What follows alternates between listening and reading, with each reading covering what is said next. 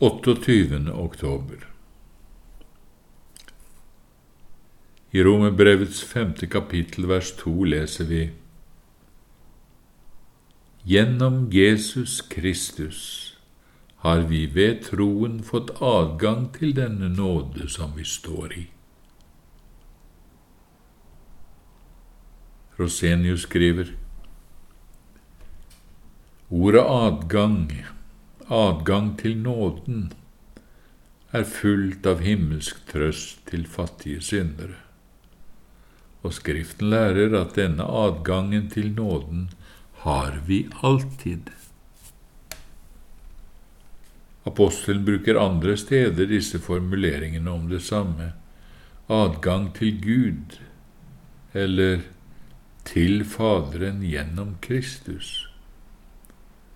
Og i Hebrevbrevets tiende kapittel, vers 19-20, kaller han det frimodighet i Jesu blod til å gå inn i helligdommen. Til den har han innviet for oss en ny og levende vei gjennom forhenget, det vil si gjennom hans kjød. Og for en evig trøst at denne adgangen, denne friheten til å gå fram for nådestolen, denne nye og levende veien gjennom forhenget alltid står åpen for oss. Det er dette som hjelper i alt som jeg kommer ut for. Uansett hva som skjer i mitt liv, ja, selv om jeg skulle oppdage at jeg hittil aldri virkelig har hatt en levende tro, men bare har levd i et bedrag som Judas, eller som trollmannen som var forgiftet av bitterhet og bundet av urettferdighet, men likevel hadde adgang til nåden. For apostelen sier til ham, Omved deg, omvend deg, og be Gud om at ditt hjertes onde tanker må bli deg forlatt. Og selv den lunkne i åpenbaringens tredje kapittel, som ble tiltalt så sterkt, Jeg vil spy deg ut av min munn. Han hadde fremdeles adgang til nåden, for Herren tilføyde, Jeg råder deg til å kjøpe gull av meg. Derfor så lenge det ennå heter i dag, kan mennesker komme til Gud og bli frelst, fordi vi alltid har adgang i til nåden. I dag kan vi ta vår tilflukt til denne nåden, som apostelen nettopp på grunn av denne adgang formaner oss til La oss derfor komme fram til nådestolen med frimodighet, for at vi kan få miskunn og finne nåde til hjelp i den tid vi trenger det. Alt bygger på at vi har denne adgang bare gjennom Jesus Kristus, at vi har en ypperste prest som har medlidenhet med våre skrøpeligheter, en evig ypperste prest som har et uforgjengelig prestedømme. Derfor kan han også fullkomment frelse dem som kommer til ham gjennom ham til Gud, og han lever alltid for å gå i forbønn for oss. Og grunnen til at vi ved troen alltid kan forbli i nåden, er altså for det første at vi alltid har denne adgang til nåden, og fordi vi har nåden bare gjennom Jesus Kristus. Og dermed er denne store, betydningsfulle sannheten slått fast og bekreftet av Skriften, at ingen fall eller skrøpeligheter, ingen skifting i gode og dårlige stunder kan utslette eller forandre vår nådestand bare vi ved troen blir i Kristus og ikke helt faller fra ham. For alt som måtte komme over oss av synd her i livet, skal leges og oppveies av den guddommelige nådepakten som ble opprettet i Kristus. Alt skal bli lekt av den evige ypperste presten. Det er akkurat derfor han har gått inn i himmelen med sitt eget blod, for at han skal være vår stedfortreder og talsmann hos Faderen.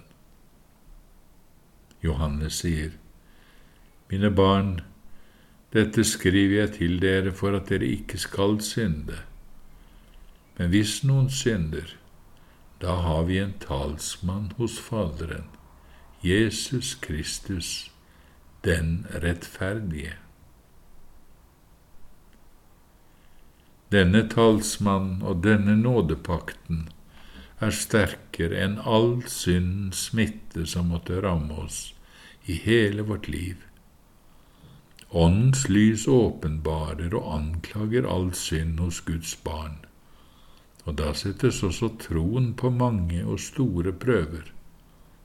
En er kanskje kastet over ende gjennom store fristelser.